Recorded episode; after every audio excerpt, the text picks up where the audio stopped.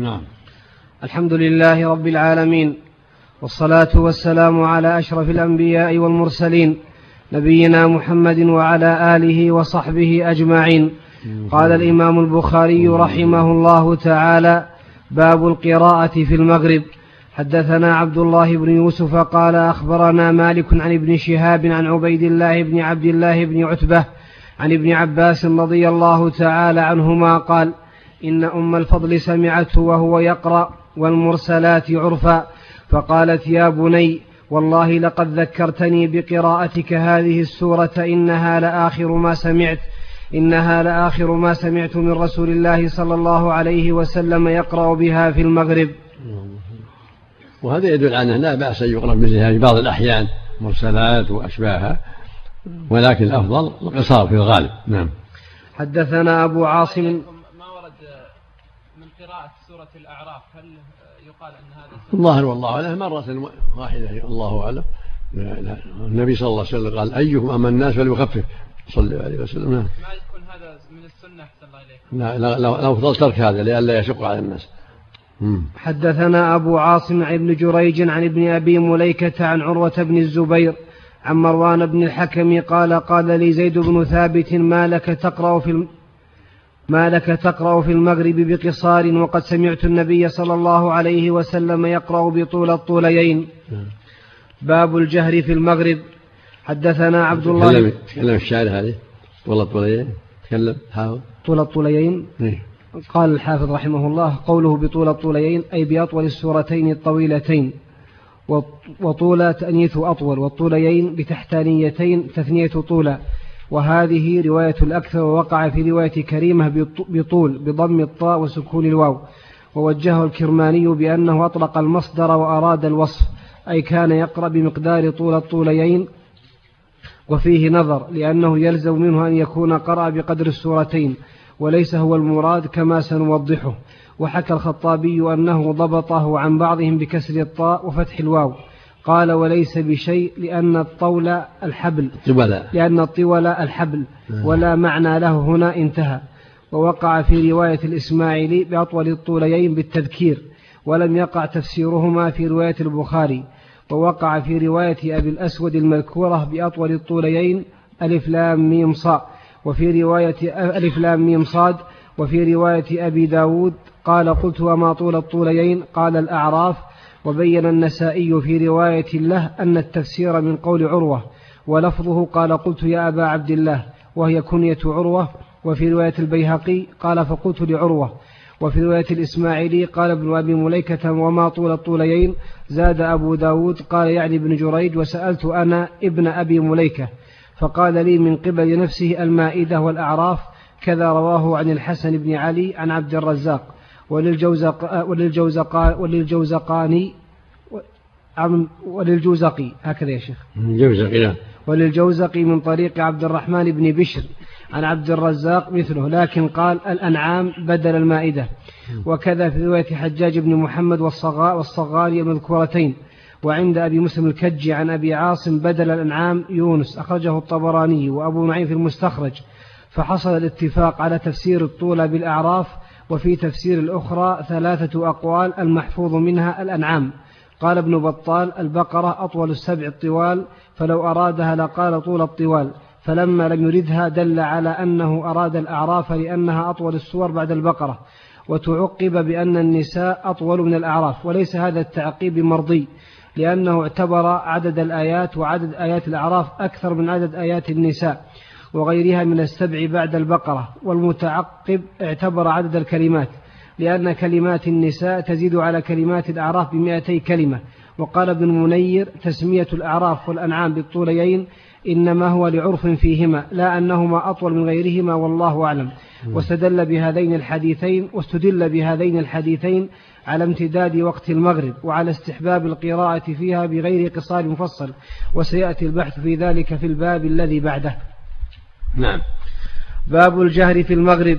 حدثنا عبد الله بن يوسف قال أخبرنا مالك عن ابن شهاب عن محمد بن جبير بن مطعم عن أبيه رضي الله تعالى عنه قال سمعت رسول الله صلى الله عليه وسلم قرأ في المغرب بالطور.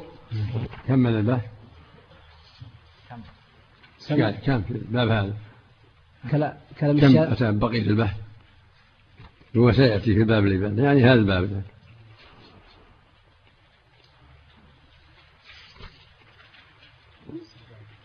من المقرون هذا في بعض الأحيان. وكان غالب عليه صلى الله عليه وسلم القراءة بالقصار وإذا قرأ لمن بعض الأحيان مثل الطور أو مثل المرسلات فلا بأس.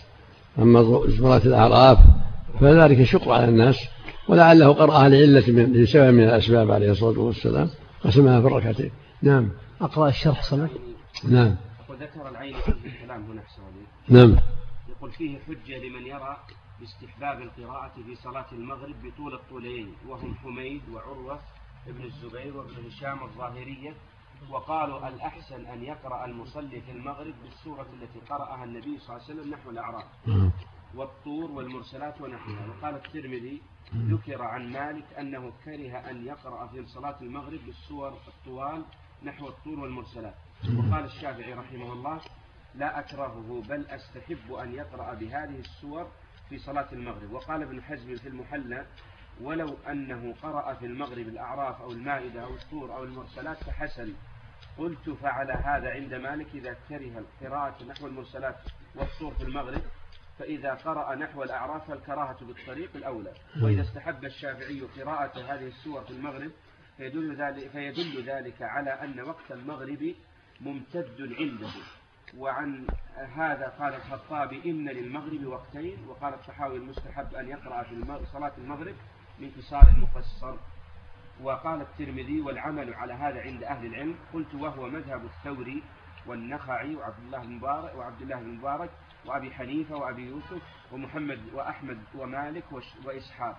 وروى الطحاوي من حديث عبد الله بن عمر أن الرسول صلى الله عليه وسلم قرأ في المغرب بالتين والزيتون وأخرجه ابن أبي شيبة في وفي سنده مقال ولكن روى ابن ماجه بسند صحيح عن ابن عمر رضي الله عنهما كان الرسول صلى الله عليه وسلم يقرأ في المغرب قل يا أيها الكافرون وقل هو الله أحد. وروى أبو بكر أحمد بن موسى بن مردوي في كتاب في كتابه أولاد المحدثين من حديث جابر بن سمرة كان النبي صلى الله عليه وسلم يقرأ في صلاة المغرب ليلة الجمعة. قل يا أيها الكافرون قل هو الله أحد. وروى البزار في مسنده بسند صحيح عن بريدة كان الرسول صلى الله عليه وسلم يقرأ في المغرب والعشاء والليل إذا يغشى والضحى وكان يقرأ في الظهر والصبح بسبح اسم ربك الأعلى. وهل أتاك؟ وروي في هذا الباب عن عمر بن الخطاب وابن مسعود وابن عباس وعمران بن حسين وأبي بكر الصديق رضي الله عنه.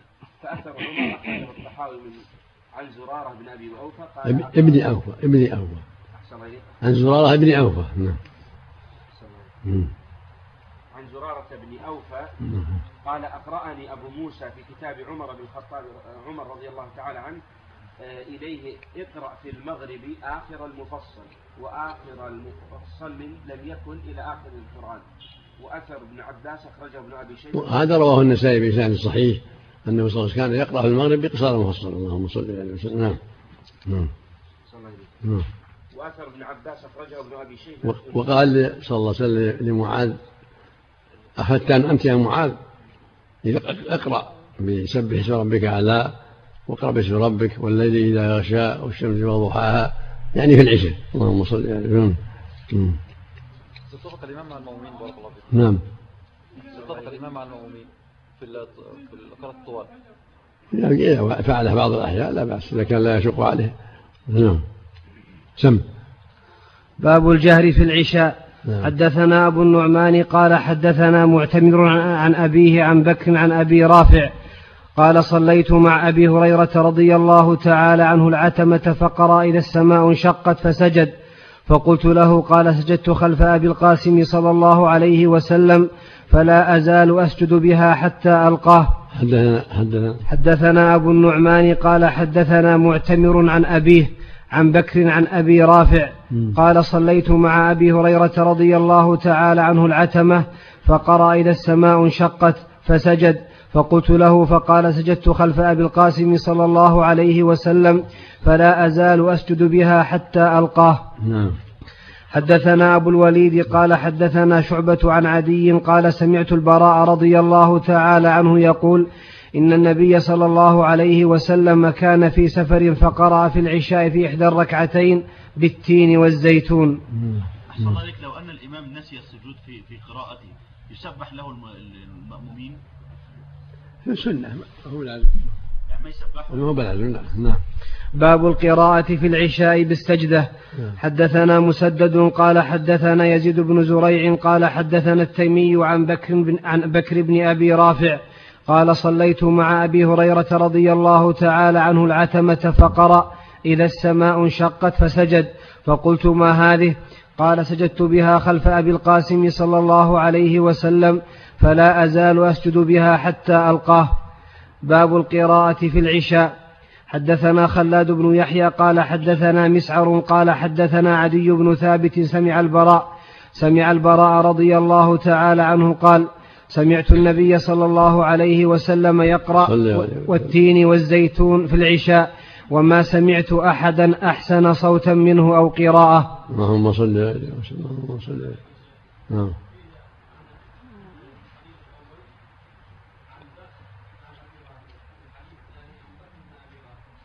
عن ابي رافع عن ابي رافع نعم. نعم إليكم قراءة السجدة في الصلاة السرية. هل يكره إذا قرأها لا يسجد. لا يشوش على الناس. نعم. صلى إمام يقول قرأت بها سجدة ولما وصلت السجود رفعت صوتي في الميكروفون قليلا ثم سمعوا وسجدوا ورائي ما كان النبي يسجد فيها في السرية. السنة ألا يقرأ, ألا يقرأ بها وإن قرأ بها فلا يسجد لا يشوش على الناس. نعم. باب يطول في الأوليين ويحذف في الأخريين. نعم. حدثنا سليمان بن حرب قال حدثنا شعبة عن أبي عون قال سمعت جابر بن, س... جابر بن سمرة رضي الله تعالى عنه. قال قال عمر لسعد لقد شكوك في كل شيء حتى الصلاة. قال أما أنا فأمد في الأوليين. وأحذف في الأخريين ولا آل ما اقتديت به من صلاة رسول الله صلى الله عليه وسلم. قال صدقت ذاك الظن بك أو ظني بك. وهذا هو السنة. تطويل الأوليين وتخفيف الأخريين. كما جاء في حديث أبي قتادة أيضا. فيقرأ في الثالثة والرابعة الفاتحة ويقرأ في الأولى والثانية زيادة على الفاتحة. نعم. باب القراءة السنة. نعم. باب القراءة في الفجر. نعم قراءة الآيات سور من الآيات في الثالثة والرابعة نعم. قراءة سور سور قصيرة بعد الركعة الثالثة والرابعة. الفاتحة نعم. إلا إذا الظهر إذا قرأ بعض الأحيان زيادة في الثانية والرابعة فقد جاء في حديث سعيد ما يدل على هذا بعض الأحيان. ما يقص عليه المغرب والعشاء بعض الأحيان بس في الظهر. نعم. نعم. قرأ عن الصديق رضي الله عنه أنه قرأ ربنا لا تزغ قلوبنا بعد إذ هديتنا في الثالثة. نعم. سنة مستحب مستحب. نعم. باب القراءة في الفجر. وقالت أم سلمة رضي الله تعالى عنها قرأ النبي صلى الله عليه وسلم بالطور. حدثنا آدم قال حدثنا شعبة قال حدثنا سيار بن, سل... بن سلامة قال دخلت أنا وأبي على أبي برزة الأسلمي رضي الله تعالى عنه فسألناه عن وقت الصلوات فقال كان النبي صلى الله عليه وسلم يصلي الظهر حين تزول الشمس والعصر ويرجع الرجل الرجل إلى أقصى المدينة والشمس حية. ونسيت ما قال في المغرب ولا يبالي بتأخير العشاء إلى ثلث الليل ولا يحب النوم قبلها ولا الحديث بعدها ويصلي الصبح فينصرف الرجل فيعرف جليسه ويصلي الصبح فينصرف الرجل فيعرف جليسه وكان يقرأ في الركعتين أو إحداهما ما بين الستين إلى المئة. نعم. حدثنا مسدد قال حدثنا إسماعيل بن إبراهيم قال أخبرنا ابن جريج قال أخبرني عطاء أنه سمع أبا هريرة رضي الله تعالى عنه يقول في كل صلاة يقرأ فما أسمعنا رسول الله صلى الله عليه وسلم أسمعناكم وما أخفى عنا أخفينا عنكم وإن لم تزد على أم القرآن أجزأت وإن زدت وإن وإن وإن لم تزد إيه، وإن لم تزد على أم القرآن أجزأت نعم. وإن زدت فهو خير. نعم. باب الجهر بق- باب الجهر بقراءة صلاة الفجر. وقالت أم سلمة رضي الله تعالى عنها طفت وراء الناس والن- والنبي صلى الله عليه وسلم يصلي ويقرأ بالطور. حدثنا مسدد قال حدثنا أبو عوانة عن أبي بشر عن سعيد بن جبير عن ابن عباس رضي الله تعالى عنهما قال انطلق النبي صلى الله عليه وسلم في طائفة من أصحابه عامدين إلى سوق عكاظ. وكان هذا يوم في حجة الوداع لما كانت شاكية فطافت بوراء الناس وهي راكبة أم سلمة. طواف الوداع. نعم نعم. عن ابن عباس رضي نعم. نعم. هل يجوز لأحد أن يطوف والصلاة قائمة؟ إيه، إذا كان في متسع مثل النساء أما الرجل لا. يصلي مع الناس. نعم. عن ابن عباس رضي الله تعالى عنهما قال انطلق النبي صلى الله عليه وسلم في طائفة من أصحابه عامدين إلى سوق عكاظ وقد حيل بين الشياطين وبين خبر السماء وأرسلت عليهم الشهب. فرجعت الشياطين إلى قومهم فقالوا ما لكم؟ فقالوا حيل بيننا وبين خبر السماء. وأرسلت علينا الشهب. قالوا ما حال بينكم وبين خبر السماء إلا شيء حدث. فاضربوا مشارق الأرض ومغاربها فانظروا ما هذا الذي حال بينكم وبين خبر السماء. فانصرف أولئك الذين توجهوا نحو تهامة إلى النبي صلى الله عليه وسلم وهو بنخلة عامدين إلى سوق عكاظ وهو يصلي بأصحابه صلاة الفجر. فلما سمعوا القرآن استمعوا له فقالوا هذا والله الذي حال بينكم وبين خبر السماء. فهنالك حين رجعوا إلى قومهم وقالوا يا قومنا إنا سمعنا قرآنا عجبا يهدي إلى الرشد فآمنا به ولن نشرك بربنا أحدا. فأنزل الله على نبيه صلى الله عليه وسلم قل أوحي إلي وإنما أوحي إليه قول الجن. هذا يدل على أنه ينبغي المؤمن يتأثر بالقرآن. إذا تأثر أولئك ينبغي المؤمن أن يكون له العناية التامة بالاستماع والإنصات والتدبر حتى يستفيد من كلام ربه جل وعلا الذي هو الهدى. إن هذا القرآن يهدي للتي هي أقوم. قل هو للذين آمنوا هدى وشفاء. وإن صرف نفر من يستمع فلما حضروه قالوا أنصتوا. فلما قضي ولوا إلى قومهم إلى قومهم منذرين. قالوا يا قومنا إنا سمعنا كتابا أنزل من بعده موسى.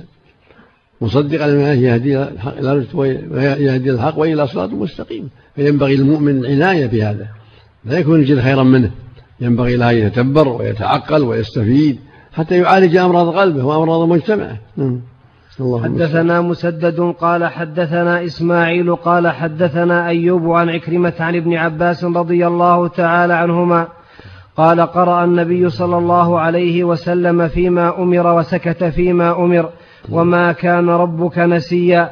لقد كان لكم في رسول الله أسوة حسنة. اللهم صل عليه وسلم اللهم صل عليه وسلم باب الجمع بين السورتين في الركعة. بركة سبع. أحسن الله إليك اللهم صل وسلم اللهم صل عليه وسلم هل يجوز للإنسان حينما يشرح بعض الصفات أن يجعل أصبعه على مثل ما أشار النبي صلى الله عليه وسلم إذا كان للبيان والإيضاح. حقيقة مو هو للتمثيل ولا للتشبيه ولكن للإيضاح. نعم. إيه، للإيضاح للإيضاح. يبين مو بقصد التمثيل. نعم.